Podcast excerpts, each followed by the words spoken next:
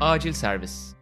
Acil Servis'e hoş geldiniz. Sokrates Podcast'te bugün Avrupa basketbolundaki önemli bir gelişmeyi Fenerbahçe Beko'nun uzun zamandır beklenen koç arayışında resmiyete yakın zamanda dökülse de bu boşluk uzun zamandır Igor Kokoşkov sürecinin sonucu merak ediliyordu ve bu hafta Fenerbahçe Beko Sasha Djordjevic ile 3 yıllık anlaşmaya vardığını açıkladı. Biz de bu vesileyle Savaş Birdal'a danışıyoruz. Savaş hoş geldin. Cem hoş bulduk. Savaş yaklaşık herhalde 3 sezon mu oldu? 3. sezonu bitirdik. 4'e başlayacağız. Önümüzdeki ay içerisinde diye umuyorum. Ağustos ayı içinde. 3 sezonunu tamamlamış Şişkauskas Podcast'ta Ersin İleri ile beraber Farklı Kaydet platformunda her hafta Avrupa basketbolunu konuşuyor. Biz de beğeniyle takip ediyoruz. Yeni sezonlarında da onları takip etmenizi tavsiye edip sıcak gündemle konuşmaya başlayabiliriz Savaş. Öncelikle Djordjevic'e gelmeden aslında ben Igor Kokoşkov sürecini tekrar değerlendirmek istiyorum. Belki bu dönemde Euro 2020 olimpiyat derken tam olarak bu süreçten uzak kalmış dinleyicilerimiz varsa Igor Kokoşkov öncelikle Dallas Mavericks'te Rick Carlisle'ın ve yönetim içerisinde de ciddi isimlerin ayrılmasıyla noktalanan bir sürecin ardından bu yeni yapılanmanın içerisinde bir yer edinmesi beklenen bir koçtu aslında. Haziran sonunda Jason Kidd head coachluğa getirildi ve yaklaşık bir ay sonra Igor Kokoşkov'un Jason Kidd'in staffinde asistan koç olarak yer alacağı açıklandı. Bu süreçte de ilk olarak sanırım Mark Stein'ın bir tweetiyle başlamıştı Kokoşkov'un Dallas'ta devam edebileceğine dair söylentiler ve uzun bir süre aslında Fenerbahçe Beko'yu bir arafta bıraktı doğrusunu söylemek gerekirse ve çok da ideal bir ayrılık süreci olmadı. Geçtiğimiz hafta Fenerbahçe Beko ile Igor Kokoşkova birlikteliğinin bir sezonun ardından sona ereceğine dair resmi açıklama da kulüpten yapıldı ve hızlı bir biçimde de onun yerini alacak isimle ilgili arayışlara başlandı ve bir sonraki koç Sasha Djordjevic oldu. Ben tekrar bu Haziran ayını ve Temmuz ayını nasıl yaşadığını Fenerbahçe Beko'nu sana sormak isterim. Açıkçası bu işin başının ta CSK serisine hatta daha öncesine de gittiğini söylemek lazım Fenerbahçe açısından. Çünkü Kokoşkov'un bir şeylerden rahatsız olduğu yönetimle yani burada tabii yönetim derken muğlak bir ifade koyuyoruz ortaya ama söylenen Sertaç Bonsuoğlu Fenerbahçe yönetimindeki basketbol şube sorumlusu ve zaman zaman da tabii burada genel menajer Maurizio Gerardini de hikayenin içerisinde devreye giriyor. Bu üçlünün aralarında çok iyi bir ilişki olmadıydı sezonun bir noktasından itibaren. Gergin bir ilişki olduğuydu. Hatta Kokoşkov'un kendi yerine koç bakılmasından da rahatsız olduğu söyleniyordu açıkçası. Özellikle de bu Fenerbahçe'nin sezona 15 maçta 5 galibiyetle başladığı dönemden sonra.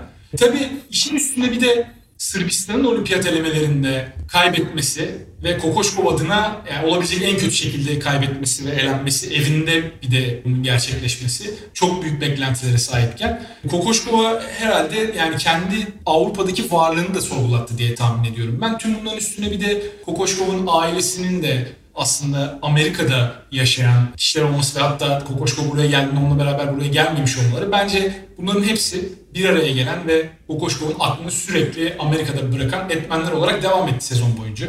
Fenerbahçe kısmına gelirsek işin CSK serisinde Fenerbahçe'nin yani adeta artık böyle topallayarak oradan sonra sezonu devam ettirmesi ve Efes serisinde de aynı şekilde CSK serisinde bu Covid süreciyle başlayan olayların Efes serisiyle de beraber 3 tane alınan arka arkaya ağır mağlubiyet orada da ayuka çıkması ve artık taraftarın da Kokoşkov'a olan inancını sorgulattı bu tabii ki. Bunların hepsi üst üste geldiğinde Kokoşkov'un ben açıkçası bir günde bu kararı verdiğini düşünmüyorum. Yani Kokoşkov'un aklında muhtemelen uzun süredir böyle bir karar almak vardı. Yani aklının bir köşesinde her zaman için Amerika vardı. Ama tabii çıkan haberler de hep o yönde. Doğru teklifi beklediği yönünde. Uğur Ozan da aynı haberleri yapmıştı, paylaşmıştı yanılmıyorsam. Kokoşkov'un hep bir kulağının Amerika'da olduğunu, hep Amerika'dan bir teklif beklediğini söylemişti. E burada da vesile senin anlattığın gibi Luka Doncic'in Dallas yönetiminde artık darbe diyebileceğimiz yaptığı müdahale oldu. Orada Doncic tamamen artık kendi istediği yöne çevirince yönetimi. Kokoşkov da Doncic'in bence Jason Kidd'i istiyordu Doncic. Koç olarak yanlış bilmiyorsam. O kısma, NBA kısmına sen benden daha hakim olabilirsin. Onunla beraber yardımcısı olarak da hücumda Doncic'i çok iyi bilen, önceden Doncic'le çalışmış. 2017'de Eurobasket'te Slovenya'da şampiyonluk kazanmış. Hatta bugünlerde oradan bir diğer aktör Goran Dragic de belki Dallas'ta onlarla bulup evet. buluşabilir. Hiç az bir ihtimal gibi durmuyor çünkü o da Toronto'ya takas oldu yanlış bilmiyorsam. Toronto'da çok devam etmek istemeyebilir onunla. Böyle olunca Kokoşkov için aradığı tüm şartlar bir araya gelmiş oldu. Ya bu noktada suçu kime yıkmak lazım? İhaleyi kime yıkmak lazım? Bizim oturduğumuz koltuktan bakınca bu iş biraz kolay evet. Yani ben de Kokoşkov'a çok kızdım. Çünkü Fenerbahçe ile iyi bir plan yaptı. Kalmayı taahhüt ettikten sonra yönetime, yönetimle beraber yani bu transferleri tabii kim yaptı? Kokoşkov mu yaptı? Yönetim mi yaptı? Kokoşkov'un istediği kadro kurulduktan sonra Kokoşkov bu şekilde Fenerbahçe yüzüstü bıraktı. Bunları da konuşabiliriz. İşte bu yandan da bakabiliriz. Ama iyi bir kadro kuruldu. İyi bir oyuncu grubu bir araya getirildi. Geçen sene yapılan hatalar bence bu hatalardan ders çıkarıldı. Önemli eksiklikler kapatıldı. Çünkü Fenerbahçe'nin aradığı iki tane önemli pozisyon vardı. Bir tanesi bir numaradan gelen daha doğrusu gelmeyen katkı Lorenzo Brown tarafından. Hı hı. İkincisi dört numarada Bartel'den hiç alamadığı katkı. İkisini de çok iyi oyuncularla kapattı Fenerbahçe. Belki de piyasadaki bu pozisyonlar için en iyi alternatifleri transfer etti Fenerbahçe. Ya geçen sene burada katılır mısın bilmiyorum. Biraz daha upside ön plana çıkarılarak alınmış bazı isimler vardı. Burada çok net oyuncular. Hem Pierre Henry hem Akile Polonara hem de Devin Booker. Net olarak yani ihtiyaca yönelik ve bunu bu seviyede yapabileceğini kanıtlamış isimlere gidildi diye ben sanki 2021 yazıyla 2020 yazını ayırabiliyorum biraz. Kesinlikle öyle. Geçen sene upside amaçlı yapılan hamlelerden tutan sadece Jean-Pierre oldu.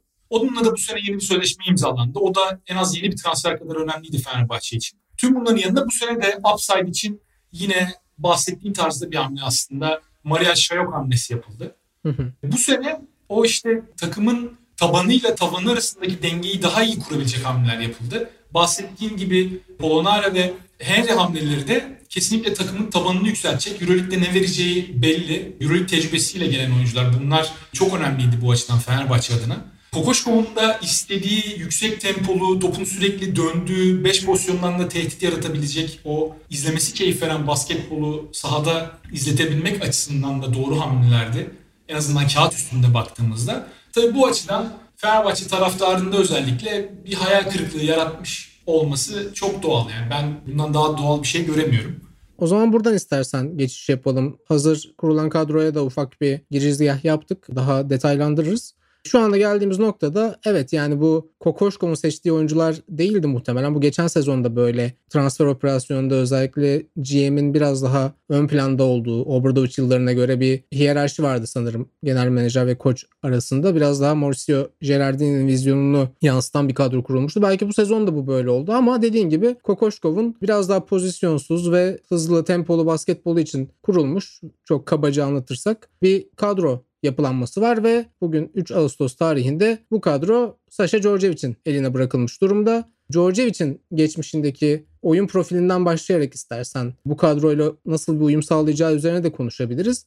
Bir de şeyden de bahsedebiliriz. Yani aslında Kokoşkov'un ayrılık sürecinde sen Ceska serisinden beri başlayan bir karşılıklı hoşnutsuzluk vardı gibi bir izlenim edindiğinden bahsettin. Ama dediğim gibi Jason Kidd Dallas Mavericks ile 28 Haziran'da anlaşma imzaladı ve orada Araf'ta kalınan Fenerbahçe Beko'nun bir şekilde Araf'ta bırakıldı. Dediğin gibi ailevi sebepler de var. Bu işin içinde başka sebepler de vardır ama çok idealden uzaklaşılan ve yeni koç arayışında da elini epey zayıflatan Fenerbahçe Beko'nun bir süreç vardı. Oradaki bir aylık süreç belki de biraz daha sorgulanması gereken bir süreç. Fakat Temmuz sonu geldiğinde sen de Djordjevic'in piyasadaki adaylar içerisinde öne çıkan bir alternatif olduğunu düşünüyor muydun? Ya da bu kararı nasıl yorumluyorsun? Piyasada kalan alternatifleri düşündüğümüzde Djordjevic risksiz alternatiflerden bir tanesiydi. Bunu söyleyebiliriz. Fenerbahçe ve Gerardini önümüzdeki sezon için bu kadar büyük para harcamışken, elde önemli oyuncular varken muhtemelen çok büyük bir riske girmek istemedi diye düşünüyorum ben.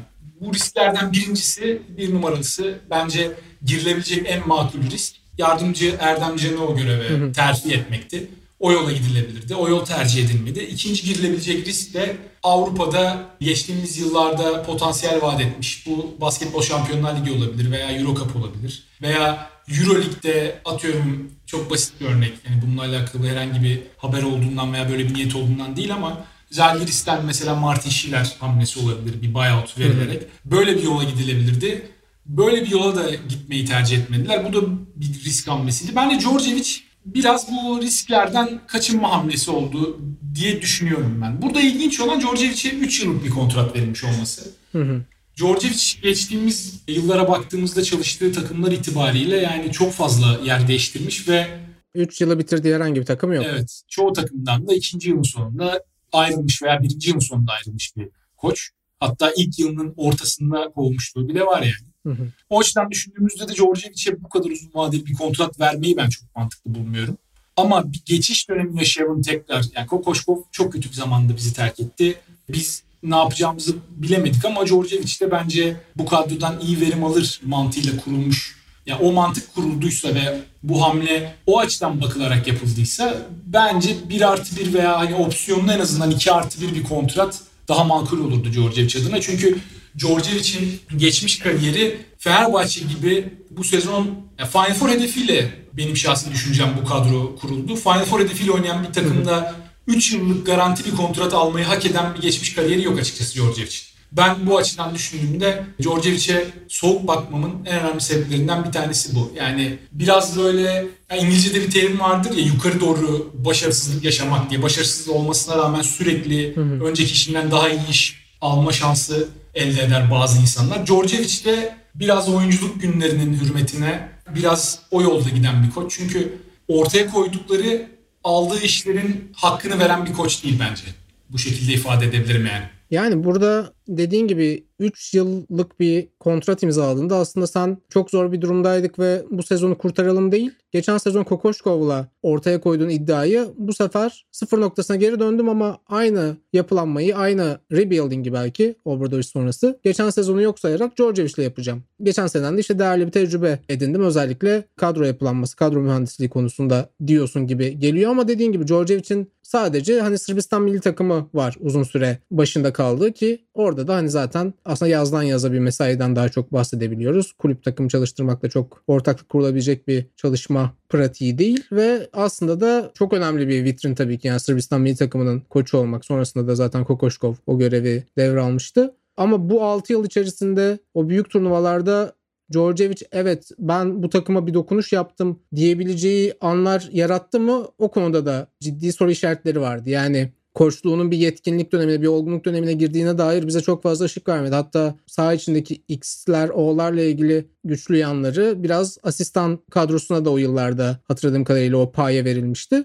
Onun dışında gerçekten 2005'te ufak bir özet geçmek gerekirse 2005'te Milano'da basketbolu bırakıyor. Ertesi sezon aynı kulüpte koçluk yapıyor. Sonra bir 3-4 yıl takım çalıştırmıyor. Ben o yıllarda onu Eurosport'ta Euro Cup maçlarında yorumculuk yaparken hatırlıyorum. Biraz daha böyle PR tarafında olacak galiba basketbolun gibi düşündüğüm dönemlerdi ya da işte idari tarafta belki kariyerini şekillendirecek dediğim. Sonra 2011 yazında Benetton'a ve koç koltuğuna geri dönüyor İtalya'da. Ertesi sezon Sırbistan'da baş antrenörlük pozisyonuyla 6 yıl yürüteceği o pozisyona geçiyor. Ama son 5 yılına baktığımızda gerçekten Panathinaikos, Bayern, Virtus Bologna hep bazı yüksek noktaları çıkardı takımları. Belki Panathinaikos sezonu biraz daha istisna ama Bayern'de de Virtus Bologna'da da başarılı şeyler yaptı ama mesela uzun süreli bir yapılanmada Djordjevic'i bir aktör olarak tanımlamış tek takım belki de Bayern geçmişte bakıldığında ve onunla da daha ilk sezonun ortasında takımda çok önemli bir yeri olan Pešić ailesinin mahdumu diyeyim Marco Pešić'le ciddi bir problem yaşıyor. Yani iletişim kuramayacak noktaya geliyorlar. Ertesi sezonda zaten Broze'den Daniele Baezi sportif direktör olarak getiriliyor. Biraz da Djordjevic'i belki pasifize etmek amacıyla ve o sezonun ortasında Bayern'de kupayı kazanmış ve lig lideriyken sanırım hatta Darüşşafaka'ya Eurocup'ta elendikten sonra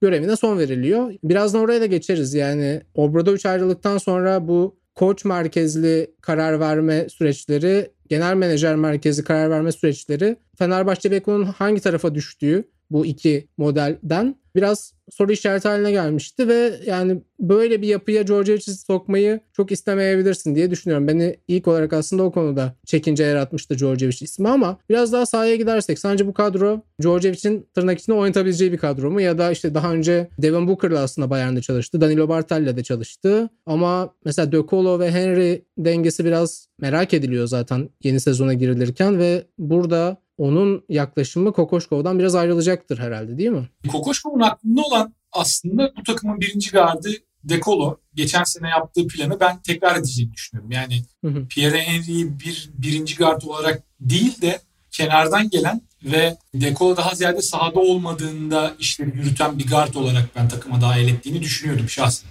Çünkü Kokoşkov'un aklındaki plan en azından A planını Pierre Henry'nin bir numaralı guard olduğu bir takımda gerçekleştirme şansı tabii ki daha düşük. Orada net bir skorer bir ve... guard takviyesi daha bekliyordun aslında devam etse. Aslında evet. Ya da şu anda bekliyor musun? Şöyle yönetimin NBA pazarında oluşacak gelişmeleri bekliyoruz. Oradan bir fırsat transferine karşı elimizde bir boşluk tutuyoruz gibi bir açıklaması vardı.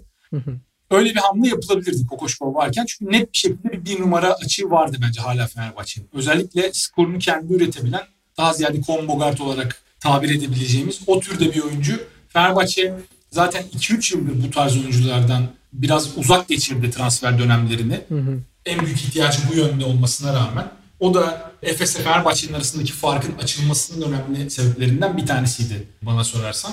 Orada Fenerbahçe'nin kısadan yaratacağı o patlayıcı skor katkısını getirebilecek bir hamleye ihtiyacı vardı. Kokoşkov varken de vardı. Şimdi Djordjevic ile ben orada yine bir hamle olabileceğini ama bu sefer farklı yönde daha çok oyunu kontrol eden Djordjevic'in sahadaki böyle bir sağ kolu gibi davranabilecek bir guard olarak bu hamlenin olabileceğini düşünüyorum ama o tarzda bir guard da tabii Ağustos'un 3'ünden sonra biz bu podcast'i şu an kaydediyoruz. Bulabilecek mi Djordjevic mesela öyle birini? Ondan da çok emin değilim.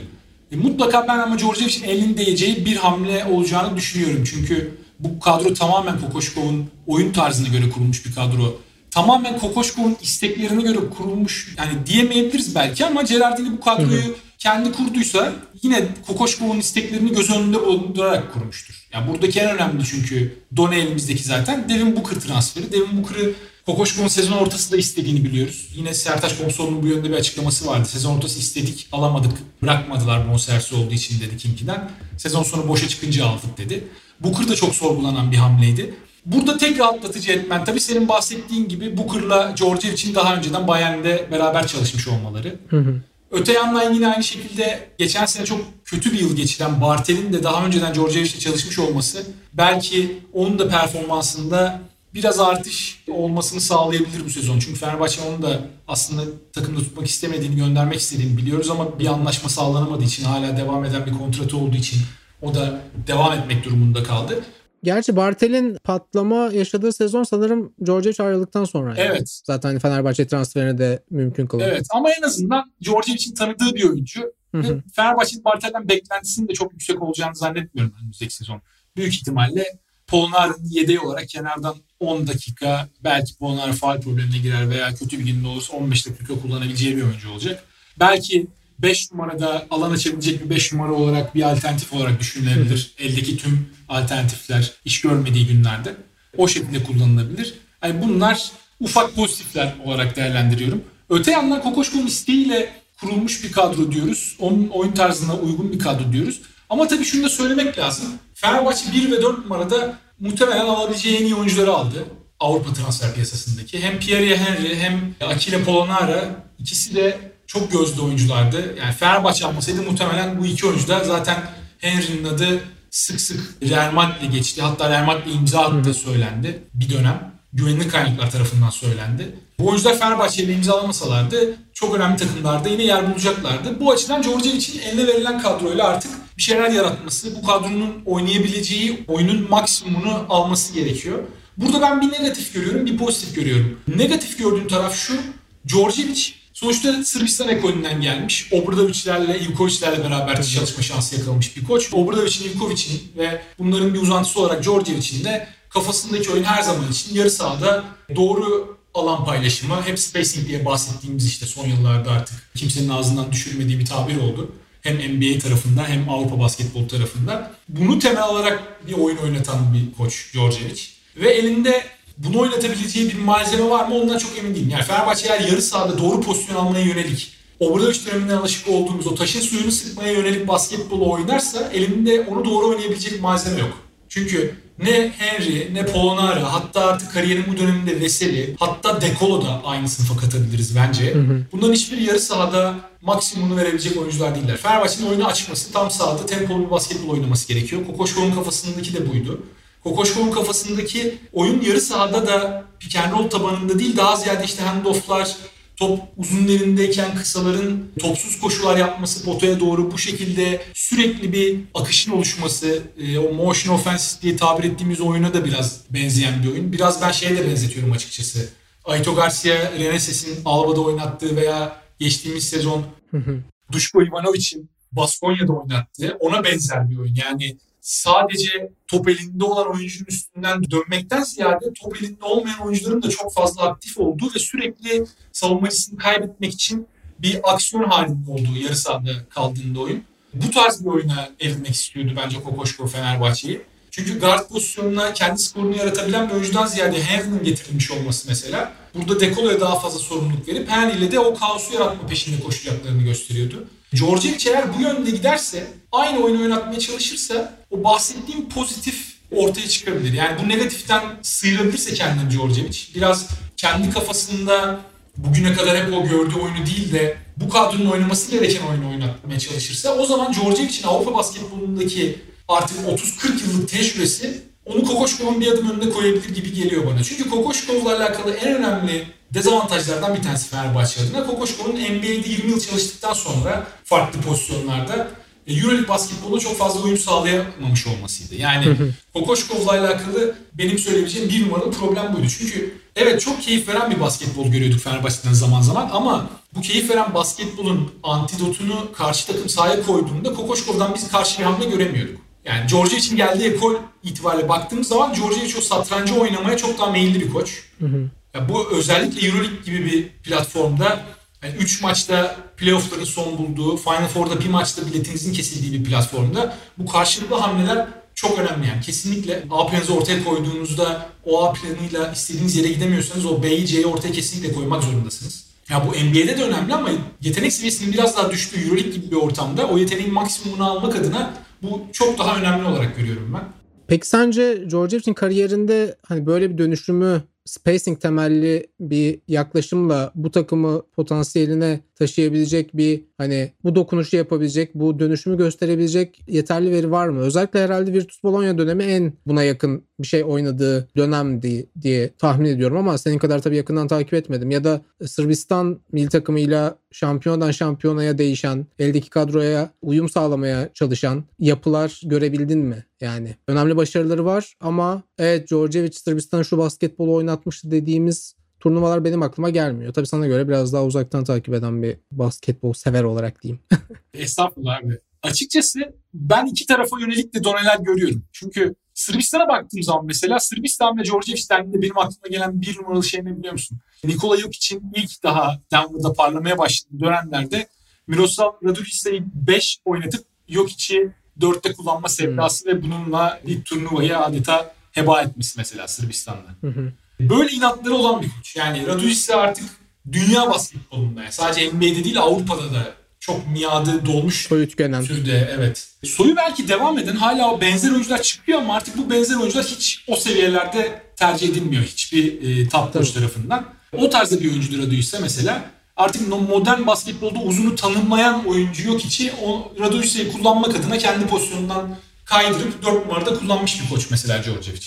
Bu yani kesinlikle bu mesela bir negatif işaret. Bu Fenerbahçe'de başlayacağı yeni sezon öncesi. Pozitife bakacak olursak senin dediğine geleceğim ben de aslında. Son dönemde Bologna'da oynattığı basketbol bu tabii Djordjevic kaynaklı mı yoksa biraz oyuncular tarafından drive edilen bir durum mu? Onu da çok bilemiyoruz dışarıdan. Hı çünkü Bologna'da da çok fazla sürtüşme yaşadı. Yani hem takım içi sürtüşmeler yaşandı hem yönetimde sürtüşmeler yaşandı. Orada Teodosic de aslında çok önemli bir figür şimdi Bologna adına. Bologna'nın da en fazla parayı verdiği, hı hı. en büyük ümitlerini bağladığı oyuncuydu. NBA'den dönüşünden ve Bologna'ya imza atışından sonra. Orada tabii Teodosic'in olduğu bir ortamda başka türlü bir basketbolu hayal etmek pek mümkün değil. Yani Teodosic'in de tercih ettiği odur diye tahmin ediyorum. E sonrasında tabii bir de NBA'den gelen yine İtalya'da önemli bir nüfuzu olan Marco Bellinelli hamlesi oldu. Hı hı. O ikililer geldikten sonra oyun biraz oraya evrilmek zorunda kaldı. Ama tabii bu Djordjevic'in tercihiyle mi oldu yoksa oyuncuların oyunu artık zorla oyunu götürmesiyle mi oldu? Onu bilemiyoruz. Tabii bu oyunla beraber mesela bu sezonun Serie A finalinde Final Four takımı Milano'ya, Messina'nın Milano'suna karşı alınmış 4-0'lık ezici bir final serisi galibiyeti var. Mesela bu da çok önemli bir done aslında Djordjevic ile alakalı. Ama tabii son bir seneye değil de son 15 senelik koşu kariyerine baktığımız zaman Djordjevic'in senin de söylediğin gibi aklı çok fazla Sırbistan'da o çok iyi kadroya sahip olmasına rağmen bekleneni veremeyen takımlar geliyor. E, Sırbistan'ın aslında şöyle de ilginç bir durum var. Djordjevic'in yanlış hatırlamıyorsam 3 tane gümüş madalyası var. Ama buna rağmen Djordjevic'in de o kadroyla nasıl istenen basketbolu oynatamadığının hatırlanması Djordjevic'in kariyerine dair de biraz ipucu veriyor bize. Ben bu açıdan biraz Scariolo'ya benzetiyorum. Yani Scariolo'nun da hmm. mesela İspanya basketbolundaki etkisi tartışılamaz. Yani İspanya milli takımıyla yaptıkları, kazandığı başarılar tartışılamaz. Ama Scariolo'nun kulüp kariyerine baktığımız zaman ironik bir biçimde o da bu sene Djordjevic'in yerine gelen isim oldu. Virtus'a. Virtus'a gitti.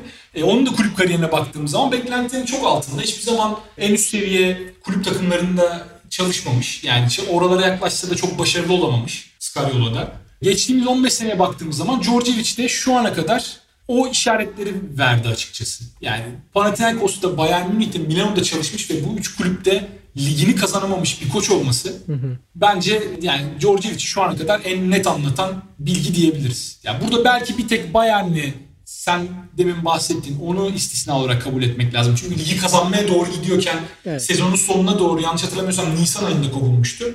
Orada belki bir şampiyonluğu olabilirdi ama yine de Panathinaikos ve Milano gibi takımlarda çalışıp dediğim gibi ligini kazanamamış olması. Hadi Bayern'e orada şerh düşelim. Bence Djordjevic ile alakalı aslında bize bayağı bir şey anlatıyor. Fenerbahçe'de Djordjevic'in bunu tersine çevirmesi için elinde hem yeterli malzeme olacak hem de kariyerini artık bu noktadan sonra o gidişatı değiştirebilmesi için çok büyük bir şans olacak Fenerbahçe onun adına. Buradan sonra da yani ben Fenerbahçe'nin de bu şansı vereceğini düşünmüyordum Djordjevic'e.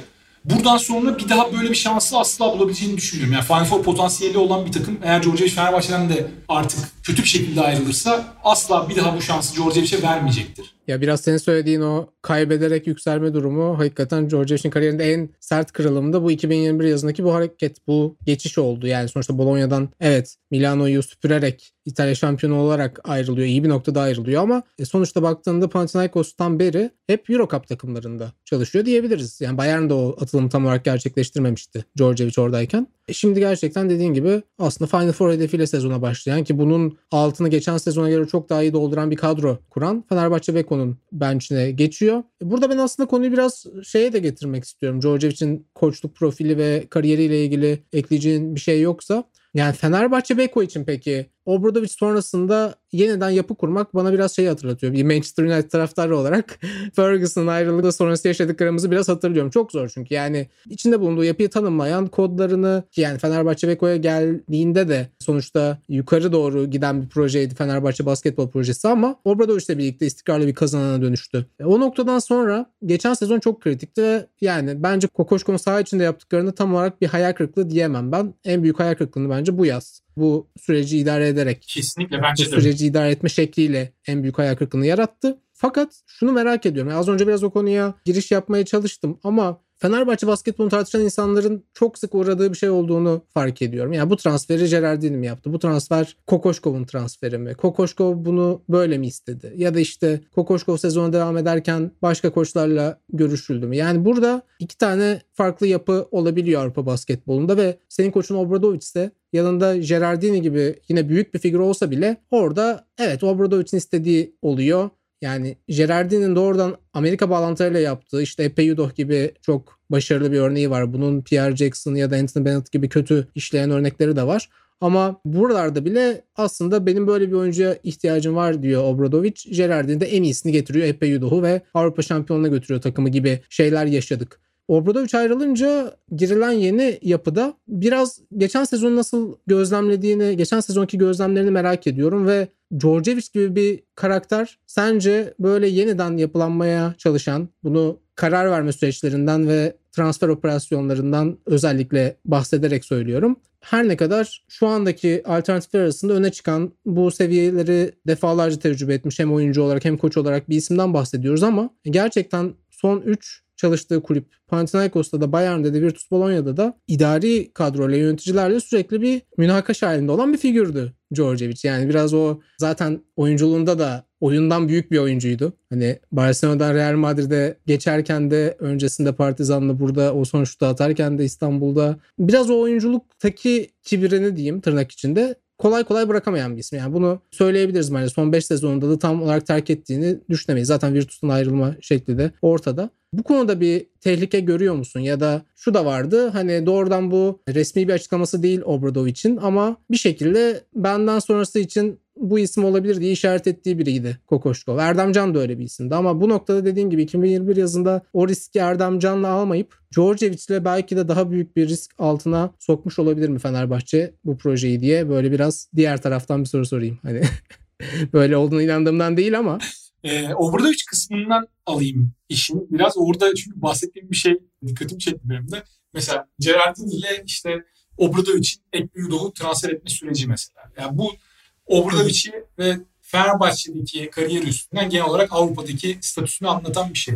Gerardini'nin Obradovic'i Yudoh'u almak adına ikna etmeye çalıştığını ve sonunda zorla ikna ettiğini ve ardından Yudoh'u Fenerbahçe'ye getirdiğini hani güvenilir ağızlardan duymuştum öyle söyleyebilirim. Obradovic böyle bir figürdü biraz da. Yani Obradovic Fenerbahçe'de kovulamayacak konumda bulunan bir koçtu ve bunu Avrupa'da kaç tane koç için söyleyebiliriz? Şu an herhalde yine sadece Obradovic için söyleyebiliriz. Partizan'a attığı imzadan itibaren. E bunu bir Messina için bile söyleyemeyiz mesela veya bir Itudis için veya bir Lasso için bile söyleyemiyoruz. 10 yıldır Real Madrid'in başında olan ve defalarca Euroligi kazanmış bir koç olarak. Obradovic öyle bir pozisyondaydı. Yani Obradovic'i aslında şu da güzel özetliyor mesela. Gerardini bir GM olarak Fenerbahçe'ye kendi koçunu getirmedi. Koç Obradovic Fenerbahçe'ye kendi GM'ini getirdi. Gerardini'nin evet. Fenerbahçe'ye gelmesi bu şekilde gerçekleşti. Obradovic'in ilk senesi bittikten sonra Obradovic herhalde dedi ki yani benim şöyle eskiden bildiğim şimdi de boşta olan müsait Gerardini var. Onunla da biz iyi çalışırız. Onu bir getirelim dedi. Yönetim de getirdi. Yani burada aslında Obradovic Gerardini'ye o fırsatı yaratmış oldu. Obradovic'in Fenerbahçe macerası bittikten sonra da tabii haliyle ortada senin de orada güzel bir benzetme yaptın. Ferguson United'ı bıraktıktan sonra oluşan otorite boşluğu gibi büyük bir boşluk oluştu. E, Gerardini buraya yerleşti. Transferleri de bence geçen yazın transferlerinin özellikle biraz orada herhangi sorgulayıcı bir mekanizmanın da olmamasıyla beraber transferleri yaptı, koçu getirdi. Sonrasında orada bir koç transferler ikisinin arasında bir uyuşmazlık yaşandı mesela otorite boşluğundan kaynaklı yine. Sezon içinde denkleme Sertaç Komisoğlu'nun da girdiğini söylemek lazım. Yani orada belki GM olarak Gerardini geçiyor. Basketbol kararlarının tamamını Gerardini veriyormuş gibi duruyor ama Komisoğlu'nun da aktif biçimde sürecin içinde bulunduğunu yani sosyal medyadan bolca yaptığı paylaşımlardan da görebiliyoruz aslında bunu. Birçok kararda input sahibi olduğunu görebiliyoruz. Orada bu ikinin arasında bir dinamik oluştu. Tabii dışarıdan bizim bunu yorumlamamız zor yani işin içini çok net bilmediğimiz için. Ama orada bu ikilinin oluşturduğu ve altlarında şimdi Djordjevic'in konumlandığı bir güç dinamiği oluştu Fenerbahçe'de. Djordjevic'in senin de bahsettiğin gibi geçmiş kariyerinde bu güç dinaminin içinde üstleriyle yaşadığı çok fazla problem var. Yani bunu Bayern'de de yaşadı senin bahsettiğin gibi. Panathinaikos döneminde de yaşadı. Bolonya'da da yaşadı. Bolonya'da kovuldu sezon içinde. Ertesi gün tekrar başa getirildi. Yani kovulmasından vazgeçildi. evet. Öyle bir durumda kalmış bir koçtan bahsediyoruz yani. Burada ben Fenerbahçe'de kadroya baktığımda bu sürtüşmeyi yaşayabilecek oyuncular görüyorum. Yani Veseli'nin yıllardır çizdiği profile baktığımız zaman hem kendisiyle hem rakiple her ortamda kavga edebilen bir oyuncu Veseli. Bunu saha içinde o motoru yakacak bir ateşe çevirdiği zaman pozitif etkiliyor ama kendini yaktığında da bu sefer işler tamamen tersine gidiyor. Mesela Veseli ile ben nasıl anlaşacağını görmek istiyorum Georgiev için. Merakla da bekliyorum. Obradovic de mesela Djordjevic'in olduğu profilde çok böyle despot, dediğim dedik ve sert bir isimdi. Ama Obradovic tabii ki Djordjevic'ten ayıran bunun arkasını doldurabilecek çok görkemli bir kariyere sahip olmasıydı Obradovic. Djordjevic'in de çok önemli bir oyunculuk kariyeri var. Hatta Obradovic'ten oyunculuk kariyeri açısından çok daha önde olduğunu söyleyebiliriz kesinlikle. Yani bununla alakalı bir tartışmaya bile gerek yok. Ama tabii koçluk kariyeri açısından baktığımızda Djordjevic Obradovic'in çok gerisinde olduğu için Obradovic'in sergilediği o astım astık, kestiğim kestik tavrı Djordjevic sergilemeye çalışırsa Fenerbahçe'nin özellikle yıldız isimleri bunu nasıl tepki verecek? Hani sen kimsin de bize böyle yaklaşabiliyorsun diyecekler mi? Ben onu merak ediyorum. Ama bir yandan da orada Djordjevic'in geçmişiyle alakalı baktığımızda oyuncularla da çok iyi anlaşabildiğini, sıkı bir bağ kurabildiğini biliyoruz. Yani öyle durumlarda olduğu takımlar da var. Mesela Bolonya'da aslında kovulmasının önüne geçen de belki de takımdaki oyunculardı. Yani Teodosic başta olmak üzere. Hı. Öylesine inandırabildiği kendini oyuncuları pozisyonlarda da bulundu Djordjevic. Eğer oyuncuları kendisine yine aynı derecede inandırabilirse ki o karizmaya da sahip ki bence bunun yine ucu saha içindeki alınacak sonuçlardan geçiyor. Yani eğer Djordjevic oyuncuları iyi bir basketbol oynayabileceklerine inandırır kendi formülüyle başarıya götürebileceğine inandırırsa o zaman kendi karizmasına ve egosuna da inandırır. Yani bu doğal bir süreç. Fenerbahçe sahada işleyen bir mekanizma olarak ortaya çıkarsa sezonun ilk işte 5 haftası 10 haftası bunun sonucunda bunun doğal sonucu olarak da oyuncular Djordjevic'e mental açıdan da yani psikolojik olarak da veya insani olarak da daha fazla bağlanacaklardır. Ve Djordjevic'in arkasında olacaklardır. Burada Savaş Dökola da önemli bir isim olacak diye düşünüyorum. Yani hem saha içindeki rollerle ilgili Pierre Henry ve eklenecekse yeni bir guard ya da işte Marco Guduric'de bir ball handler olarak onların yetki paylaşımı, görev paylaşımı bir tarafta. Bir tarafta da hakikaten oyuncu yönetimi, insan yönetimi konusunda Igor Kokoşkov'la Sasha Djordjevic geceyle gündüz kadar fark ediyor herhalde. Bunu söyleyebiliriz değil dediğin gibi çok kritik. Kokoşkov ve Djordjevic de kesinlikle geceyle gündüz gibi fark ediyor. Burada işte Dekolo'nun zaten Obradovic'den Kokoşkov'a geçerken orada Sulukas'ın da takımdan ayrılmasıyla hem takımın sistemsel olarak özgürlüğünün artması hem de Sulukas'ın ayrılmasının doğal bir sonucu olarak Dekolo'nun üstüne düşen sorumluluğun ve onun özgürlüklerinin artmasıyla beraber Dekolo'nun da performansının yükselmesi. Bu sezona girerken acaba Djordjevic ile Dekolo Kokoşkov'da bulduğu o özgürlükleri bulabilecek mi sorusunu bana da sorduruyor. Onu da göreceğiz. Yani kadroya baktığımda Dekolo'dan başka o özgürlükleri verebileceği bir oyuncu göremiyorum Djordjevic. O açıdan Dekolo bence aynı şekilde devam edecektir. Ama bir yandan da işte Djordjevic'in oyun stiline yapacağı ufak tefek veya artık kökten de olabilir bilmiyorum değişiklikler Dekolo'yu bir önceki Obradovic senesindeki performansına geri götürür mü? Onu da artık izleyip göreceğiz. Yani burada Djordjevic'in yapacağı tercih de önemli olacak. Çünkü Fenerbahçe'nin kısa yaratıcılığı konusunda elindeki bir numaralı opsiyon ve yerine de başkasını koyamadığı opsiyon Dekolo şu an. O yüzden Dekolo'dan kesinlikle maksimumu almak zorunda Djordjevic. Son olarak Savaş istersen hani kapatmadan diyeyim çünkü 3 Ağustos 2021 herhalde İstanbul tarihinin en sıcak günlerinden biri olarak ileride hatırlanacak bir gün. Seni de çok fazla kuş sesi mart sesi gelmesin diye odamdaki camı da kapattık. Daha fazla bu işkenceyi sürdürmeyelim. Sohbetimizin girişinde şeyden bahsetmiştin. Yani bu kadro tamamlanmış bir kadro mu? Yoksa özellikle guard pozisyonunda ya da başka yerlerde ufak bir iki dokunuşu olabilecek mi Djordjevic'in? Burada belki yaz ligi kamplar beklenecek. Belki geçtiğimiz sezon olduğu gibi Kyle O'Quinn ve Marco Guduric transferlerinde olduğu gibi bir tane majör hamle belki sezon içine bırakılacak. Bilemeyiz. Ama sence şu anda özellikle Djordjevic hamlesinden sonra bu kadronun en acil ihtiyacı ne ya da önümüzdeki günlerde nereye bir takviye bekleyebiliriz? Bu kadronun bir ihtiyacı olduğu kesin bana sorarsan. İki tane önemli bir pozisyon var burada öncelik olması gereken pozisyon. Bir tanesi bir numara. Aslında az önce de konuşmuştuk. Oraya bir combo guard ihtiyacı olduğunu düşünüyorum ben kesinlikle. İkincisi de dört numara. Orada genç bir Bobby Dixon arıyor Fenerbahçe bir diyebilir miyiz? Kesinlikle öyle. Orada kenardan gelip biraz maçın dengesini değiştirebilecek. Yani belki iki ucu keskin bıçak bir oyuncu da olabilir bu. Ama artıları eksilerin önüne geçecek Dixon gibi. O tarz bir oyuncuya Fenerbahçe'nin kesinlikle ihtiyacı var bence. Çünkü Dekolo'yu devre dışı bıraktığın zaman patlayıcı skor katkısı olarak şimdi Şayok'un da nasıl bir oyuncu çıkacağını, yani Fenerbahçe seviyesinde, Euroleague seviyesinde nasıl etki verebileceğini, ne seviyede oynayabileceğini şu an bilmeyerek söylüyoruz bunu tabii. Oradan gelebilecek bir patlayıcı skor katkısı bu ihtiyacı azaltabilir. Ama topu yere vuran ve koçun sahadaki dediğim gibi bir sağ kol olarak orada konumlanabilecek bir oyuncu olarak birine Fenerbahçe'nin ihtiyacı var bence. Henry evet Henry çok iyi bir guard ama Henry farklı profilde bir guard. Yani Henry topu eline vereceğiniz ve bana bir şeyler yarat diyebileceğiniz bir guard değil. Henry daha ziyade savunmada rakibi boz, hücumda da aktif ol, agresif ol ve sürekli potaya gitmeye çalış diyebileceğiniz tarzda veya eğer ki bir size avantajı varsa alçak posta kullanabileceğiniz o tarz bir oyuncu Henry. Yani Henry şut üstünden zaten çok fazla etki yaratabilen, rakibe zarar verebilen bir oyuncu değil.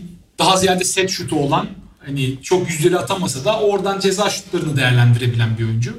Burada Fenerbahçe'nin kesinlikle bir combo guard ihtiyacı olduğunu düşünüyorum. Burada tabii Bartel'in durumu da önemli mesela. Bartel ile Fenerbahçe yolları ayırabilirse oraya bir tane 4 numara eklemesi veya 5 numarada oynayabilecek hani 4-5-2 pozisyonu da koturabilecek. Savunmada Fenerbahçe'yi orada bir tık yükseltebilecek.